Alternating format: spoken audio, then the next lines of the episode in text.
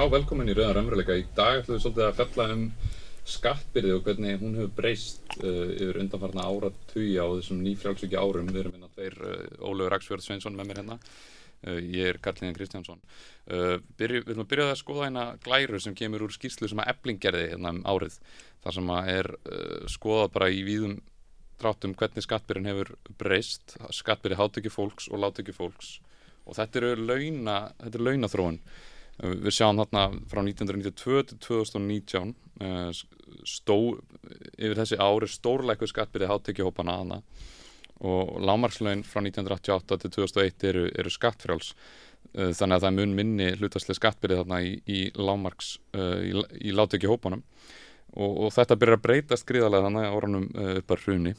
Og svo sjáum við þegar vinstirstjórnin tekur við eftir hrun og þá breytist þetta aftur í hináttina en svo fer hún og þá byrjar þetta að fara aftur í, í þá sömu átt og þetta var að stefna þarna á uh, frá 1998 til 2007 og já, svona, svona er þessi nýfrálsiki pólitík. Uh, Gunnar Smári fór aðeins yfir þetta hérna við rauðaborðiðum árið og við ætlum að horfa á myndband sem á ennþá við úr uh, rauðaborðinu Þá sérðu sko hvernig skattbyrðin hefur vaksið. Það sem tekjur fólks hefur aukist og, það, og vegna þess að skattir við eldir það ekki. Mm. Personafslotturinn hækkar ekki í takt við launavísastölu og ekki eins með verðlag. Að þá veldur að því að fólki sem er í dag með undir svona, hvað við segja, 850.000 er að fá aukna skattbyrði. En fyrst og fremst fólk sem er með svona frá 200.000 og er svona rétt yfir 500.000, þetta er svona kannski uh, lægsti þrýðungurinn hann, hérna, nýfrálsugju árin hafa leitið þess að hann er að borga miklu meiri í skatta það hann gerði áður. Það er þetta búið að aukast mest Óli Björn, hann var að, að viðkynna þetta. Ja, Hann viðkynna þetta. Og það er svona, ég veit ekki, hvort það sé áfangi í Ég held að það má segja það Það stangar náttúrulega gríðarlega á þá orðræði um að, að hægri flokkarnir sem hafa mikið stjórna, náttúrulega sjálfstæðiflokkurinn sérstaklega og þetta á við um eða alla vestræna Evrópu og í bandarækjunum að þau segjast vera að læka skatta og þau segjast vera að letta álæginu á einstaklingin til þess að sækja fram í, í ykkur skonar kapitalísku verkefni. En, en, en raunin er svo að það, það er verið að stórlæka skattana á þau allra ríkustu á meðan að hlutastlega eigst byrðin á, á þeim uh, á þeim veikustu? Það er einmitt uh, maður uh, oftast ekki spurt spurningar en að þú veist á hverja er virkilega verið að læka skatta. Það er alltaf þetta, við erum að læka skatta sem að er tæknilega séð veist, ekki líi en það er aldrei farið inn í blæbreiði málsins aldrei farið inn í raunverulega hvaða skattalækanir eiga, eiga sér stað og hvar raunverulega skattar eru en þá hlutastlega mjög svipaðir ef ekki bara herri og ef maður horfir á grafið sem að koma hérna í fyrst þá eru auðsjólega mjög mikil uh, mikil tenging á myndli þú veist þegar það er uh, lækkun hérna hjá uh, hátíkjópum í skattbyrði þá fer rýsandi þessi, þessi skattbyrði láttekihópa náttúrulega bara til þess að mæta kröfum ríkistjónuna sem hún þarf til þess að, að fungera vel. Akkurat, en, já. Og það, það er nefnilega, og eins, eins og þessi flokkar hafa eiginlega alltaf talað sko, þá, þá eru þau ekki að tala fyrir því að, að draga úr endilega mikið velferðarþjónustu að þau ætla að láta hljóma þannig að þau ætla að komast upp með að lækka skatta en samt ekki uh, draga úr, úr þjónustinu og þá þarf náttúrulega að hlýðra þessu til uh, Gunnarsmári var með góða greiningu hérna 2018 á Facebook sem ég langaði að lesa fyrir fyrir fólk að, að til að fjármagna skattalækanir til hennar ríku á fyrirtæki og fjármagn hafa stjórnvöld aukið skattbyrðið á láleina fólki, öryrkjum, eftirleina fólki og fólki með lægri meðaltekjur. Þegar staðgreifslukerfi skatta var tekið upp voru skattlýsismörk við 317.000 krónur sem miða við þróun launa síðan þá. 1991 var talið að fólk með tekjurum eða undir lámaslaunum ætti ekki að borga skatta. Í dag greiði fólk með 317.000 krónur í tekjur 58.521 krónur á mánuði í skatt en fólk í sambarleiri stöðu borgaði 0 krónur árið 1991. Þessa uppæði 58.521 krónur í skatt af 317 krónar mánuðatekjum sem eru rúmar 700.000 krónur í skatt á ári, mætti kallast nýfrálsíkjuskatt. Það gjald sem láluna fólk greiðir til að standa undir stórgóðslegum skattalækunum til eigenda fyrirtækja á fjármaks, hérna ríku sem þröngvað var að í gegn á, á frjálsík, sem þröngvað í gegn á frjálsíkjárunum, reyndar svo til án mótmæla frá verkefælisæðingunni og arftökum inn á sósílísku flokka, þetta rann í gegn Samkvæmt fjárlega frumvarpinu ætla ríkistjórnin nú, sem sagt 2018 fjárlega frumvarpið þá, að skila lánuna fólki 539 krónum af þessum nýfrálsíkju skatti. Ráðhörarni voru með plönum að skila meiru til launafólksins en hinn ríku voru ekki til að skila neinu af því sem þau hefðu hrifsað til sína nýfrálsíkjárunum. Svo, sorry, lánlaunafólk, þið þurfa að borga skattana fyrir hinn ríku eitthvað áfram. Þið borgi 58.521 krónur á, á mánuði í ríkramannaskatt en fáið 539 krónur í afslátt það er 0,9% afsláttur. Já, það, það er allt það sem er að marka þessu orð kannski. Já. og þetta er ekki bara svona á Íslandi. Við, við vildum svolítið taka þessu umfjöldin í, í svona alþjóðlegum skilning og kannski helst á, á Vesturlundunum og við erum með hérna glæru sem, sem kemur úr uh, hagfræðaransótt frá Emanuel Saez og Gabriel Súkmann og þetta er í grein frá Washington Post og þar sjáum við að árið 2018 voru, öðna, var, voru ákveðin tímamót að hinn, hinn ofur ríku uh, í bandaríkjunum voru byrjað að borga minna uh, hlutastlega í skatta en, en, en lægstu 50% mm -hmm. og þetta segir alls ekki alla söguna uh, því þetta get... ó fyrir ekki að hoppa yfir eina hérna góða glæru sem erum með líka þetta eru skattbyrðið tekjutíunduna hérna heima og og við sjáum hvernig þetta flöktar þarna að, að já. Þið getur skoðað þetta. Ég er ekki með þetta hjá mér í tölvunni, ég sé þetta frekar ítla en ef við hoppum aftur til bandarækjana og í vestræna heiminn þá sjáum við þessar fjölskyldur. En svo getum við fengið ítalegri greiningu á því uh, þar sem við erum með hana average uh, annual income growth rates þessi hérna, þetta er svolítið erriðt að skilja kannski en, en uh, það eru tvær uh, beinarlínur og það er sem sagt uh, meðal uh, hagvöxturinn og öðna, vöxtur 1946 til 1980, það er bláa línan yfir, al, alveg yfir heildina litið og það er 2% öðna, vöxtur þarna hjá, öðna, yfir alla tekjuhópa mm -hmm.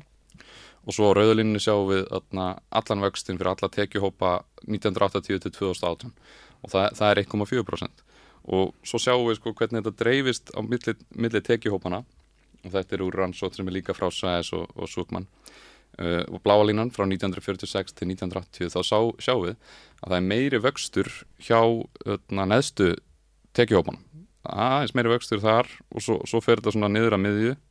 Og en svo þegar þú kemur upp sko efstu 5% þá, þá fer þetta niður.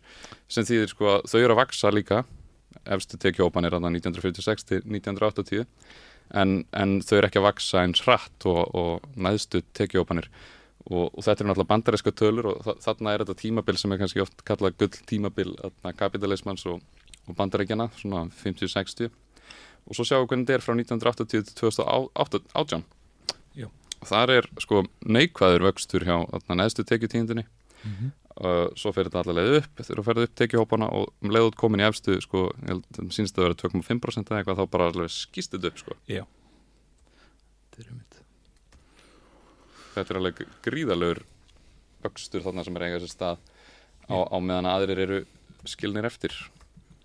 Það er ummitt þetta líka þessi innan svona nýfrálsíkinar að það er unverulega þetta þessi, þessi gullnu ár kapitalismans einkennast mjög ulverslega af þessum, þessum vexti fyrir raunverulega óháð stjættum en síðan er núna sem að einstakleikar sem að stiðja frekar undir þetta efnaða skerfi uh, eru meira í því raunverulega að verja hluti sem fara ættu í sjálf og sér að fara gegn þeirra svona baseline trú eða svoleiðs á þessu kerfi. Uh, það sem að þeir, þeir tekju hæstu hópanir eru bara uh, exponentially svona Uh, að, að græða og þeir sem að raunverulega eru, eru í svona sérstaklega þá læri stjættum og, og þá mér segja líka þar inni uh, svona miðstjættum eru ekki að sjá þennan gróða á neitt halbæran hátt sko.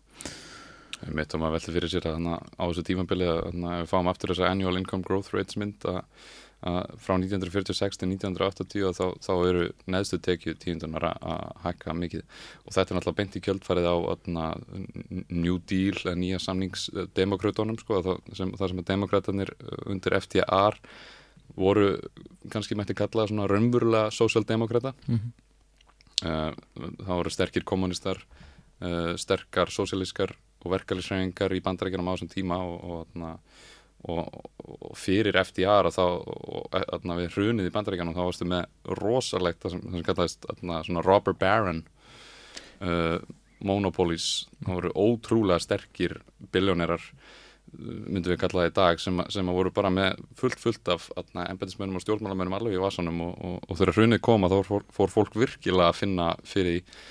Og þessir ný, nýju samningsdemokrater koma inn með svona grunn helbriðstjónustu, social security fara í hérna, innviða uppbyggingu fjármagnað af stórum skatteikjum, þeir brutu upp stóru hérna, fyrirtækin mörg -hmm. oljufyrirtækin til dæmis. Standard Oil var alveg massífur aðeli og, og margir í dag er einmitt að tala um það að, að við erum svolítið komin í svipaða stöðu hvað þetta varðar. Og ef við sjáum inn að uh, top wealth shares in the United States að þetta rýmar svolítið við það sem við vorum að skoða á þann að, að þetta er búið að breytast gríðarlega yeah. og, og, og þetta sérstaklega ef maður horfur á myndina sem er hann niður í uh, hægra hodninu að sko topp 0,00001 þú veist uh, wealth share það er alveg að springa upp og sérst, mm -hmm. sérstaklega tekur alveg hann að kipp í, í COVID Já sem er mitt það sem við ætlum að fara í núna næst og uh, þetta er unnurlega uh, sem sagt graf hérna CEO worker pay gaps increased at low wage US corporations. Uh, þetta sýnir unnurlega bara svona hvernig í sjálfu sér launahækun hefur verið hjá uh, þeim sem eru í hæstu svona uh, stuðu samfélagsins sem er oft í þá stjórn, svona stór fyrirtækja á móti því sem að uh, hinn meðal verka einstaklingur einstaklingurinn að verka stjættarinnar mm. hlítur og það er hvað, þetta eru já, 60 dólarar um það byrju, eða 58 hjá verkunum á milli 2019-2020 þetta eru 1,9 miljónir dólar sem eru, eru í fórstjórn og síðan eh, er önnur eh, sem sagt tabla hérna næsta eftir þann sem að sínir önnurlega tapið sem að þeir sem að eru innan verkast líðsins uh, mistu í svona fjármagni uh, þá í kjölfar uh, COVID og sumlegis það sem að þeir sem að eru, eru milljaramæringar sem þetta ávöxtinn þeirra og þetta er þarna hvað fjögur trilljón dólarar sem að biljónirarnir og þetta er, þetta er yfir heiminn allan eða ekki Jú.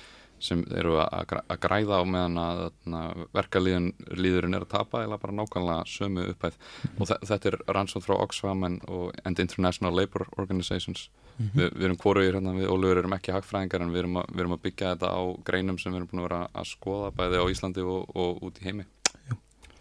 og eitt sem er áhugavert í þessu að því að sumir kannski segja þú veist að með ekki þessi biljónerar bara græða pening þeir eru svo duglegir og þeir eru svo flottir og eru komið með svo brjálagar nýjungar skilur og þetta er að skapa svo mikil verðmæti og bla bla bla. En, en sjáum að mjög skrítnar mjög skrítingögn frá bandaríkjanum um sagt, subsidies þar sem er verið að styðja við uh, fyrirtæki. Þau eru að fá peninga frá, frá ríkinu. Þetta er svona uh, sérst augljóslega frá við mitt uh, svona 1980 sem við vorum farið yfir á hann uh, þá er alveg aukning á þessu þar sem að uh, ríkistun beilar út fyrirtæki sem að eru, geti ekki staðið undir sjálfur sér.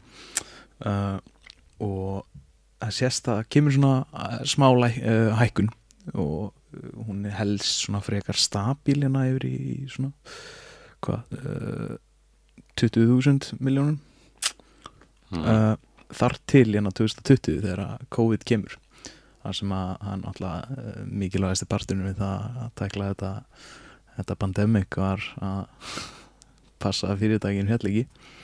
Og þá hrað, bara snar hækkar þetta. Og þetta uh, það er oft talað um það að þessi mikilvægt að ég mynd halda þessum fyrirtækjum í business til þess að fólk missi ekki vinnuna og alls konar álíka bull. En þegar við horfum á þetta ásamt grafinu sem kom inn áður mm -hmm. uh, Hvernig verka fólk er búið að missa hátt í fjóra trilljón dollara uh, á heimsvísu en, en, en uh, ríkasta fólk heims er búið að græða fjó, fjóra trilljón dollara. Á spyrum að þessi hvert fyrr þessi pinningur sem að þessi, þessi stórfyrirtæki fá í subsidies? Er þetta virkilega að fara í það að halda innan um gangandi? Eða er þetta bara uh, að beila á einstaklingar sem að eiga þennan, þetta fjármagn út passa að þið missi ekki? Og svo ser maður líka í þessum subsidies uh, gögnum að þetta, þetta hækkar alveg mikið og, náttúrulega þessi innspýting í COVID dregur öðna uh, spjaldið mikið upp. En ef maður myndir zooma þess inn á þetta meira og horfa hvað, hvað þetta búið að aukast frá 1980 þetta er alveg tölverð aukning sem búin að eiga sér stað hann. alveg engin smá sko. Og þetta gæti tengst í að þú ert komið með greiðlega öfluga uh, aðila og, og öflugar stofnanir fyrirtæki, stór fyrirtæki og verðbræða fyrirtæki og annars uh, sem fá bara erum þú veist, lobbyismin í bandrækjum er búin að auka skriðarlega, í mörgum tilvíkum eru enga fyrirtæki að skrifa bara eila reglugerðinir sem hefur verið að leggja fram eða allan að hafa sko, gríðarlegt uh, uh, að segja um þau sem eru náttúrulega bara hómbar sem eru með bein, þú veist, uh, hvað heitir það hagsmunni, beina hagsmunni sem tengjast þessum reglugerum, oftast ekki uh, oftar en ekki þá raunverulega uh, liggur þetta mjög mikið í því að skerða þær reglugeru sem eru í kringum ímins konar geira til þess að, hafa meira sögrum til þess að græða á þessum geirum.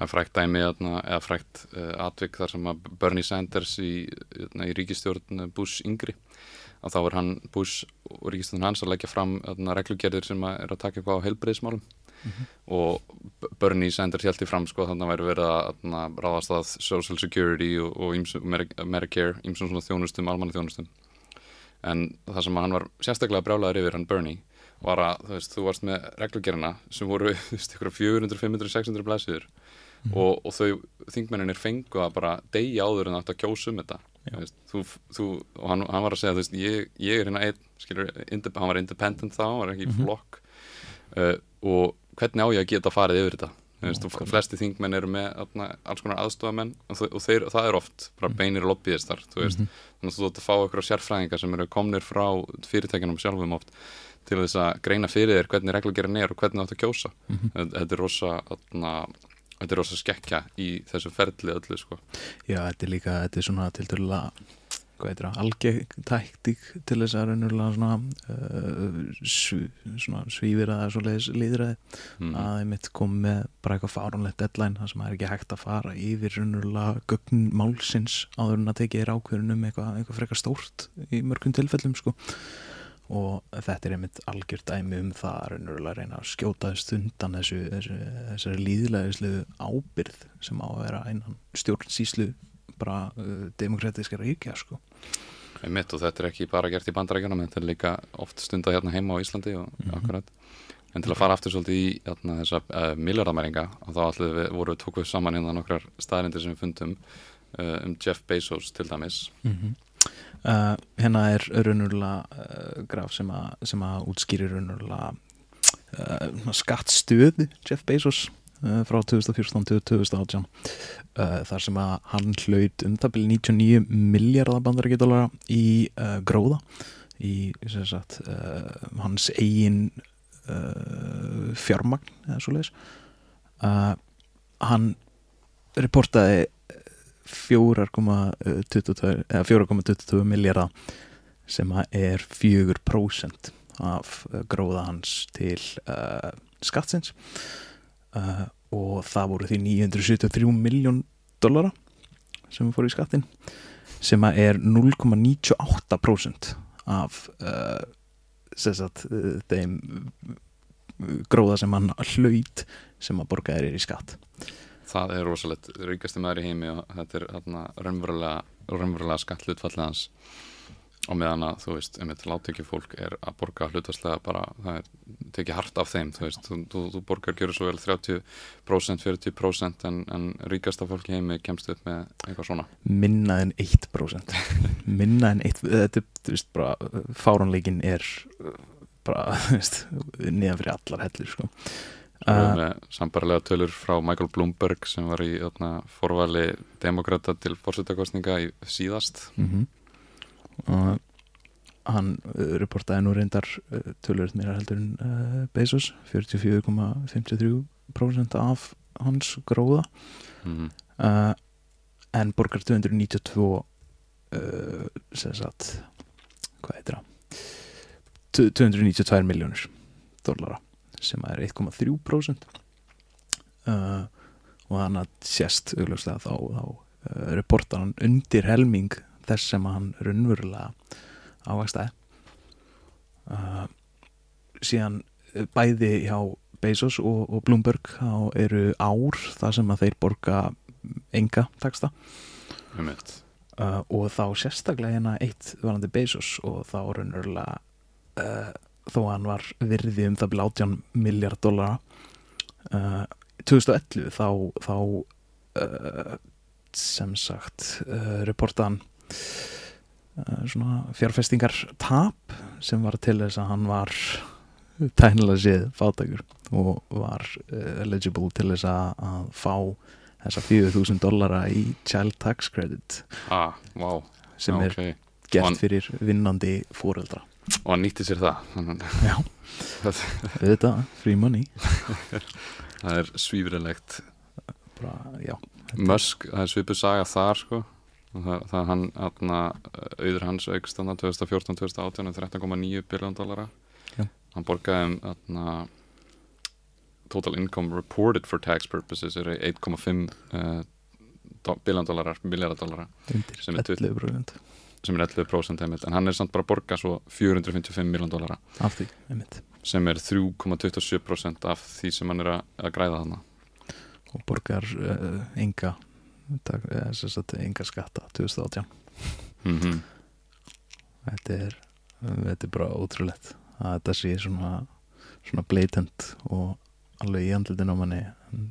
Það virðast einhvern veginn fólk virðist bara að horfa yfir þetta og, og þeir komast mikið upp með þetta með, með því að atna, setja fyrirtækin sín í lönd sem eru svona skatta uh, paradísar paradísir og, og, og fjölmargar aðra leiðir sem þeir nota er náttúrulega með alveg hera af lögfræðingum og, og bók, atna, bókvöldurum og annað sem að eru að finna allar mögulegar glufur í, í kerfinu sko, til, þess að, að komast upp með skattaendarskot Ég held að ein líka eh, sagt, það kemur held ég með þess að fram hérna. Já, ein, ein ástæðan fyrir uh, svona þessu uh, að þetta kemst upp er að hann, hann borgar ekki svona dividend uh, sem að ég held að sé arður, ég er ekki Mhm. alveg hund, jú, arður uh, til uh, svona þeirra sem eiga hlut til í fyrirtækinum heldur uh, að því að það er skattlagt árlega uh, þá heldur halda sem sagt pinningnum innan fyrirtækisins og, og og sagt græða það á hækkun hlutabrjána græða á raunverulega sem ekki hægt er að skatleggja þeir eru kannski að taka þeim eitt lán og dót til þess að kaupa fleiri fjárfestingar af, af því hvað virðið þeirra aukast mikið. En með því að gera þetta er þeirra sko koma sér undan því að borga atna, það sem kallast capital gains tax fjármastíkjuskatt sem er þó ekki nema 15-20% Já. en, en samt þú veist það er ómikið fyrir ja, ekki ómikið en bara atna, kapitalistar eðilega að gera allt sem þeir geta til þess að atna, eignast meira peningum. Þannig að það skiptir ekki máli þó að þú lækir skattana gríðarlega. Ef þeir finna sér leiðir til þess að borga minna þá munur þeir taka það. Og þetta Jóhann Páll, þingmaður samfélgingarinnar hann skrifaði um þetta einhvern tíman á sínum, á sínum tíma og, og bendi, á, bendi á það sko, að það, það var mikið verið að tala um þetta á Íslandi. Að það myndir hækka mikið fjármastíkju skatta og skatta, fyrirtækaskattana að þá myndir fyrirtækin flýja á landi. En það sem þú sást á Íslandi var að þegar fyrirtækja og fjármastíkju skatturinn var sem legstur og þá var mesti flótti peninga út úr landinu. Þú veist þannig að þetta helst ekkert í hendur. Þú, þú þarfst bara einhvern veginn að loka á þetta ímdaði mér og, Algjörlega. en svo erum við með menn eins og eins og hann Hannes Holmstein sem held, ég veit ekki hvort þú hefði séð það en hann held fyrirlestur í HÍ þar sem fyrir tveim árum held ég núna þar sem hann var að segja að skattavendan skot væri þú veist, að það, þetta voru dugleir viðskiptamenn sem kunna ávaksta peningana sína og finna allar mögulega leiðir til þess að ávaksta peningana. Já, en eru í raun sko að, að, að, að, að svín- svína sér undan skildum sinni, sínum og ábyrð til samfélagsins að, bor, borga tilbaka. Og hann, hann, hann tólkaði þetta þannig sko að þetta var alveg í anda lagana og allt og annað, sem það er alls ekki að því að þessi lög eru, hérna, skrifuð og sett fram og þá, þá er þetta ekki hugsunin veist, og ef, ef það koma upp leiðir þar sem að fyrirtækja fjármasegendur og vald, þarna, uh, ríkt fólk er að ná að koma sér undan skatti þá þarf þetta að finna leiðir til þess að, loka því aftur Mhm. og við erum með hérna mynd þar sem við, við sjáum uh, uh, uh, tax havens skatta, skattaparadísir það er næ, næsta mynd þetta er kort hana, og það, við sjáum hérna að þetta eru uh, því rauðara sem landið er því meira af atna, fyrirtækjaskatt sínum er, eru þessi lönd að tapa. Og við sjáum Já. að Ísland er bara alveg eldraut það er atna, með, verra en bandringin já, með rauðari löndum bara í heiminum. Verið styrra sko. Og það var það var góð grein sem að hann uh, Jökull Solberg Öðinsson skrifaði og við finnum tilbaka á það mynd sem við vorum með hann áðan. Að þá bendur hann á það að 13 miljardum skotið undan tekjuskatti íslenskra fyrirtækja og og að sjá.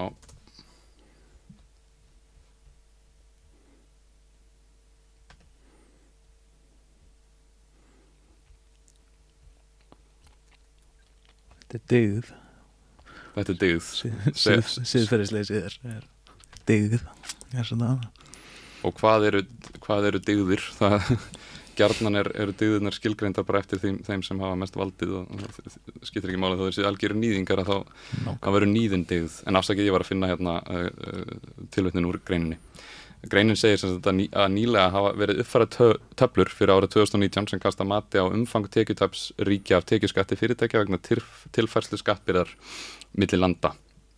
Og Ísland tekur stort stök upp á við milli ára við vorum með um 18% tap af skattstofnunum árið 2019 en núna, og þetta eru gögn uh, frá 2019 26% við tökum 18% upp í 26% stök. Á, uh, á heimsvísu er þetta tekjutap út af skattaendanskotum um 9, nei, 9 til 10% Mhm.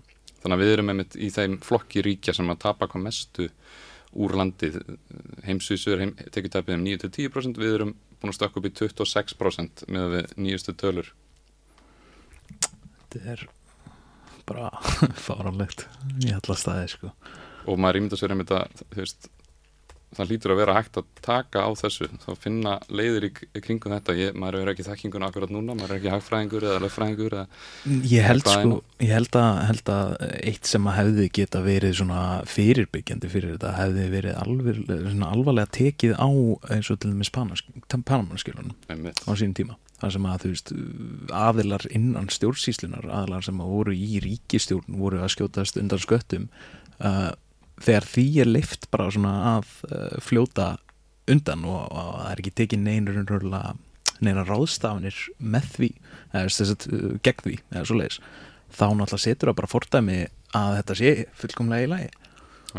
Og ég held að, held að eina, eina leiðin til þess að virkilega tækli þetta er bara algjör umbylting á uh, sem sagt, ríkistjón landsins og sérstaklega innan fjármála ráðunitisins náttúrulega gengur ekki að hafa einstakling sem hefur skotið undan skatti í landinu sem að hann á, á að þjóna uh, sem fjármála ráðherra mm, er bara einstaklingur með hæstu völd innan, innan fjármála veist, mála Íslands.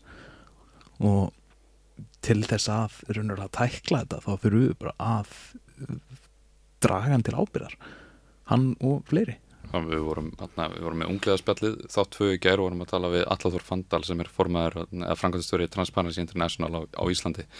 Og við vorum svolítið að spjalla um það einmitt og hann, var, hann að segja okkur frá því að, að þú veist uh, fólk er í raun og embætisfólk og stofnanir þú veist, það er í raun að brjóta lög mjög líklega en einhvern veginn er eins og bara enginn gerir neitt, þú Mhm. veist að, að það eiga að vera, þú veist, það ætti að vera komin rannsónda nefnd varandi Lindakól og Íslandsbanka sölu Mhm. til dæmis að það ætti þingið að vera að sinna sínu eftirleitt slutverki og setja rannsónda nefnd og bara kafa í þetta og sjá hvað er að gerast.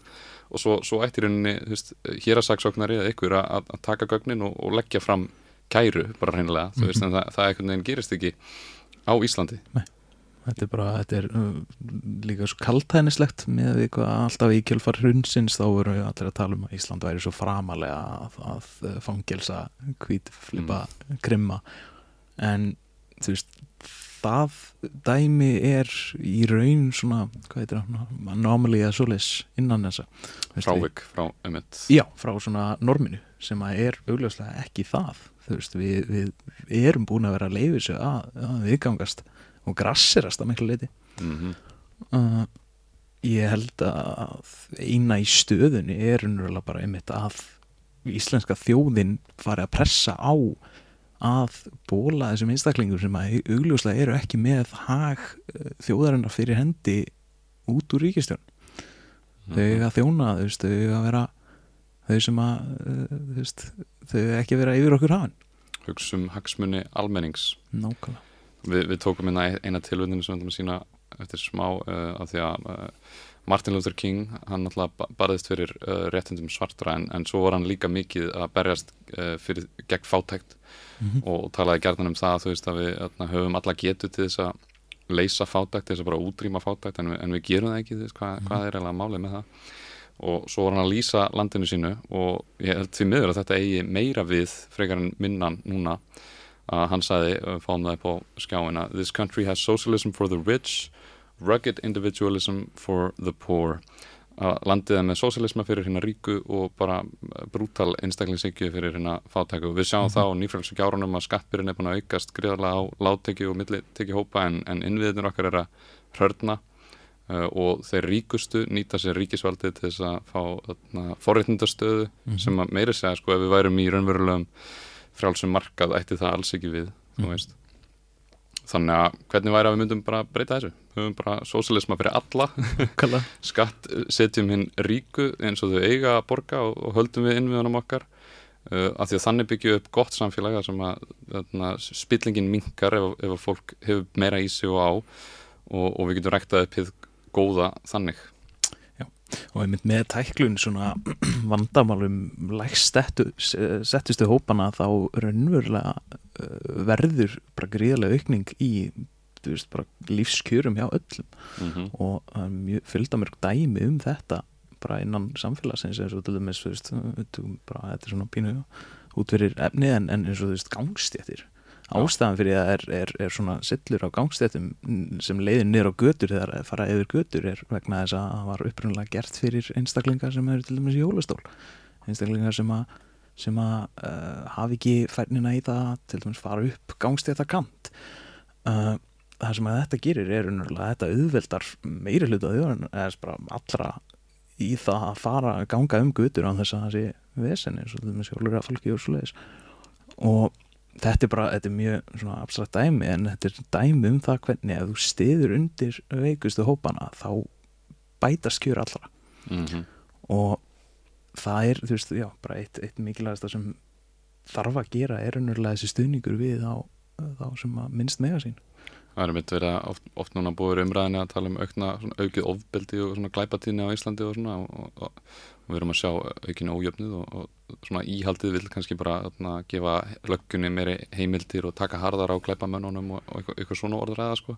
En eins og sósialistar, sósialistar okkar í, í borgarstjórninni borgarfylgtróðanir hafa verið að benda á að, að leiðin til þess að taka á þessu er einmitt að, að, að styðja við þá veikustu hópa að byggja upp öðna, innviði og, og tækifæri fyrir fólk til að eiga vel í sig og á og, og vera ekki í óta og, og skort af því að það, það er grunnurinn aðeins sem að leiða mann út í, út í glæpi og eins og þessi hugsunni mitt ná ekki alveg að komast nú vel til skila til fólks, fólks að Mhm. þetta er svona er þetta raunverulega, þú veist að ef þú ferð og tryggir að þú sért með góða helbriðstjónustu, gott skólakerfi uh, tækifæri fyrir fólkið til þess að eiga nóg í sig og á að, að, þá byrja bara glæpir að stórminga en þegar að þú átt ekki í þig á þegar þú ert í, þegar þú ert öðna, í örvæntingu, örvæntingu þú veist, þá ferðu að leita bara allar að tækifæra sérstaklega einmitt ef að þegar líður eins og samfélagi sé að, að koma illa fram við þig eða svíkja þig eða sé mikil spilling. Mm -hmm. Þá, þá, þá kannski á maður, á maður að bara til að hugsa skilur, já, screw you, skilur, ég ætla bara að gera það sem ég þarf til þess að, að,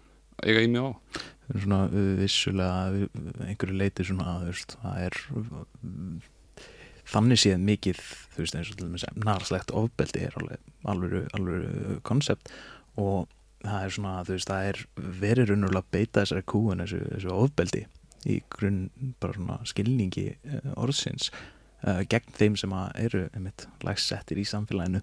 Og þá leiði það held ég frekar bara til hugsunar bara hvað akkur má ég þá ekki gera uh, snóta Mhm. ofbeldi mér til, mér til uh, framfæsti og þú veist eins og til dæmis svona varandi glæpi og svo leiðis þetta er náttúrulega bara þú veist ef, að- ef að uh, aukin löggæsla myndi koma á einhvern hátt í veg fyrir glæpi þá væri bandaríkin uh, örugasta þjóði heimi. Mm -hmm.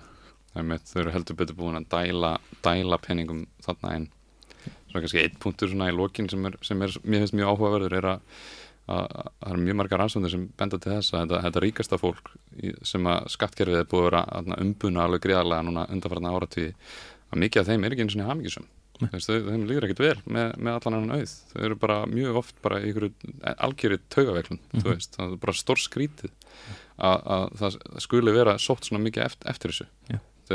Mér sýnist það bara að vera svona ákveðin geði ekki, eða eitthvað svona taugaveiklun Þetta er algjörlega bara þetta er svona þetta er, þetta er líka svo, þetta er svo perpetuated þetta er svona, mm þetta, er, ítt undir þetta. Og ég held að einmitt, veistu, þetta var eitthvað sem maður lærið í grunnskóla bara peningur veitir ekki tamingi Það er mitt, það er nokkuð skýrt í félagsálfræðin eða fólk verður mun haf mikið samar að þú færið fyrsta skóparið þitt og svona en svo bara við ákveðin mörg af peningum sem þú færða þá, þá hættir það að skipta máli Nókala. og ef maður hugsaður út í að allar afleggingarnar sem þetta hefur þessi endalisa sókn eftir meiri peningum og völdum, þú veist, hjá þessu fólki að afleggingarnar eru einmitt að, að þú ert ekki með innviðið sem virka glæpinir mm. aukast fólk er í fátækt og talandi ekki um lofslagsbreytingarnar og, og einmitt þarna jarðarna elsneitis fyrirtækin sem er að fá alveg gífurlega ríkistyrki og, og sko vita að afleggingarnar af yðnaðinum þeirra eru gríðarlegar en felaða, mm -hmm. borga þarna borga sérfræðingum til þess að fara að ljúa fólki og vera með áróður um að, að það sé, sé ekkert að hafa áhyggjur af og, og svona. Og, og, og þetta er líka tengist náttúrulega kapitalismunum að þannig ertu með þetta eru, eru eiginlega valla einstaklingar sem er að gera þetta, þetta eru orðnar svona stopnarnir sem eru bara að hugsa um veist, að, að, að hámarka hagnaðin fyrir uh, hlutafana og bara svona í blindni ganga áfram á því síðan er mitt líka eins og til dæmis eh, eitt sem að ég hef eh, svolítið eh, lengi vel komið á í svona þessari umræð og það er unnurlega bara veist, sjálfbærni bara mm. sjálfbærni kerfisins mm. veist, kapitalismi í grunninn er ósjálfbært kerfi einfallega bara vegna þess að það getur ekki verið endalug skróði án nokkur að baksla og í raun á endanum algjörsfalls það er svo leiðis mm. þetta er uh, svona, þú veist það, það er oft það sem að ég lendi í, í, í samræðum við einstaklinga og tala um að kapitalismi sé náttúrulega leiðin að græðki sé náttúrulega veist það sem er okkur innan með okkur veist uh, bara fólki.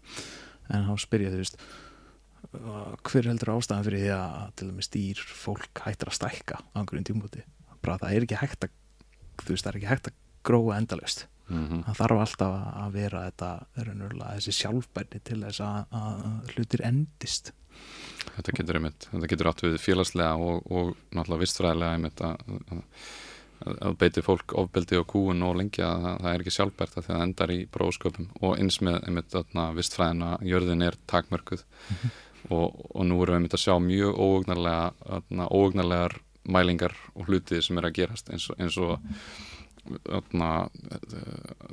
Norður Allandshafið er að slá öll með þetta í hýta mm -hmm.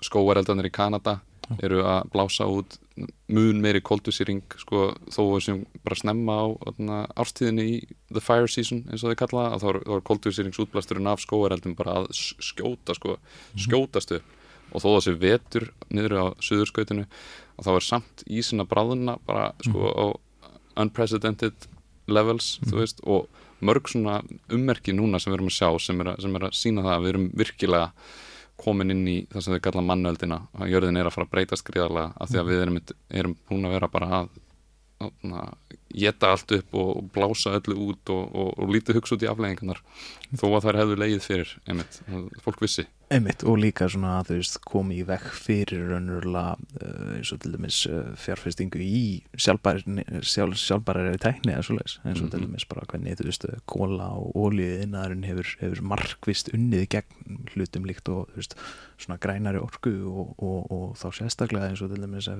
ja, mikið er hægt að debeita það og þá kjarnorku. Þannig að það er bara þú veist það er markvist búið að vera að draga úr veist, tækifærinu í það að búa til græni leiðir vegna þess að það er ekki hag, hag, hagsamt, það er ekki arbært. Það hefði til dæmis verið hægt einmitt fyrir löngu síðan að taka burt þessa, þessa ríkistyrki til jarðarna elsnita fyr, fyrirtækjana og mögulega að færa það yfir í grænu orkuna og það hefði ítt undir, undir það mm -hmm. og einmitt al, algjör sorgasaga með, með kjarnorku orkuna, kjarnorkuna því að bandringin voru mun dugleiri í að reyna fjármagna nýja rannsóndir í því til dæmis svona þórium kjarnorkuver eins og Kína er núna að þróa á, á miljón en, en það var bara hægt að, að, að fjármagna þær rannsóknir að því að þau vildu frekar halda í gömlu kjarnorkuverin. Og fyrir fólk sem ekki veit þá, þá er þessi þórium kjarnorkuver mun áhættu minni Mhm. og, og það, það er mun, minni líkur á slisi og ef það verður slisa þá er miklu, miklu, miklu minni atna, kjarn, kjarn, útgeislun og, og atna, hætta af því Mhm. og líka þú veist það er svona þegar að fyrir minna á slís og þessum komin svolítið út fyrir upprunalega punkt þáttarins þá raunverulega þú veist það, hafa ekki, það hefur ekki verið slís í, í 10 ára mm. og þú veist með hvernig raunverulega þessi, þessi þróun hefur orðið þetta er náttúrulega bara það, er ekki, það er ekki hægt að selja gerðnorkuna eins og það er hægt að selja óli og, og kól það er, er ekki, ekki gróðasamt og við, höfum, við vorum alltaf með Fukushima og það aðna slísið Nú. í Japan og það hafði alveg miklar afleðingar og var eiginlega vel sloppið sko. En, en einmitt, það hefði verið hægt að rannsaka setja meiri peninga í að rannsaka mun vistvætni og, og örugari kjarnorku uh, ver en það var ekki gert að að, og það kaldastriði held ég að við spila mikið þátt í því að því að þessi þórium kjarnorku ver skila ekki af sér uh, waste product sem þú getur notað í að búið til kjarnorkusprengjur sko. mm -hmm. þannig að hva- það er hryllileg staðarinn sko, við hefum getað skiptið yfir hérna á einhverjum tímapunkti ef við hefum bara veitt meiri peninga inn í það en að því að þeir vildu fá fleiri og fleiri kjarnorkusprengjur mm Mhm. þá var bara hætt við það Nákvæmlega. en, en já, við erum, við erum komin svolítið út fyrir eftir þáttarins en, en þetta tengist allt því sem er búið að gerast á að, að hagnaður hérna örfáu skal fá að bara drottna yfir hagsmunum heildarinnar og framtíða kynnslóðum hreinlega þegar maður tekur inn vistfræði sjónamiðið Já. og þess vegna erum við hér og, og reynum eitthvað að meika sens úr þessu og vekja vitund um þetta af því að ég held að einmitt um leið og nóg margir átt að segja á þessu að þá förum við bara að gera eitthvað annað af því að þetta er raun, raunverulegt það er raunverulega þannig Mhm. að þú tryggir undir grunninn, grunninn hjálpa fólki að, sækja sér þjónustu og heil, heilbriðstjónustu og, og, og, og allt þetta að þá, þá verður heimurinn bara betri og það verður betri fyrir alla. Mhm. af því að einmitt þetta ríkasta fólki heimi er, er ekki eins og hamingisamt og síðan uh, einn svona loka punktur þegar maður fylgist með umræðinni þá er þetta svo lita af með þessu, þessu sjónamið það er alltaf verið að leitast eftir endalöfum egnaðslegum gróða, það er alltaf Mm. aðalmálið.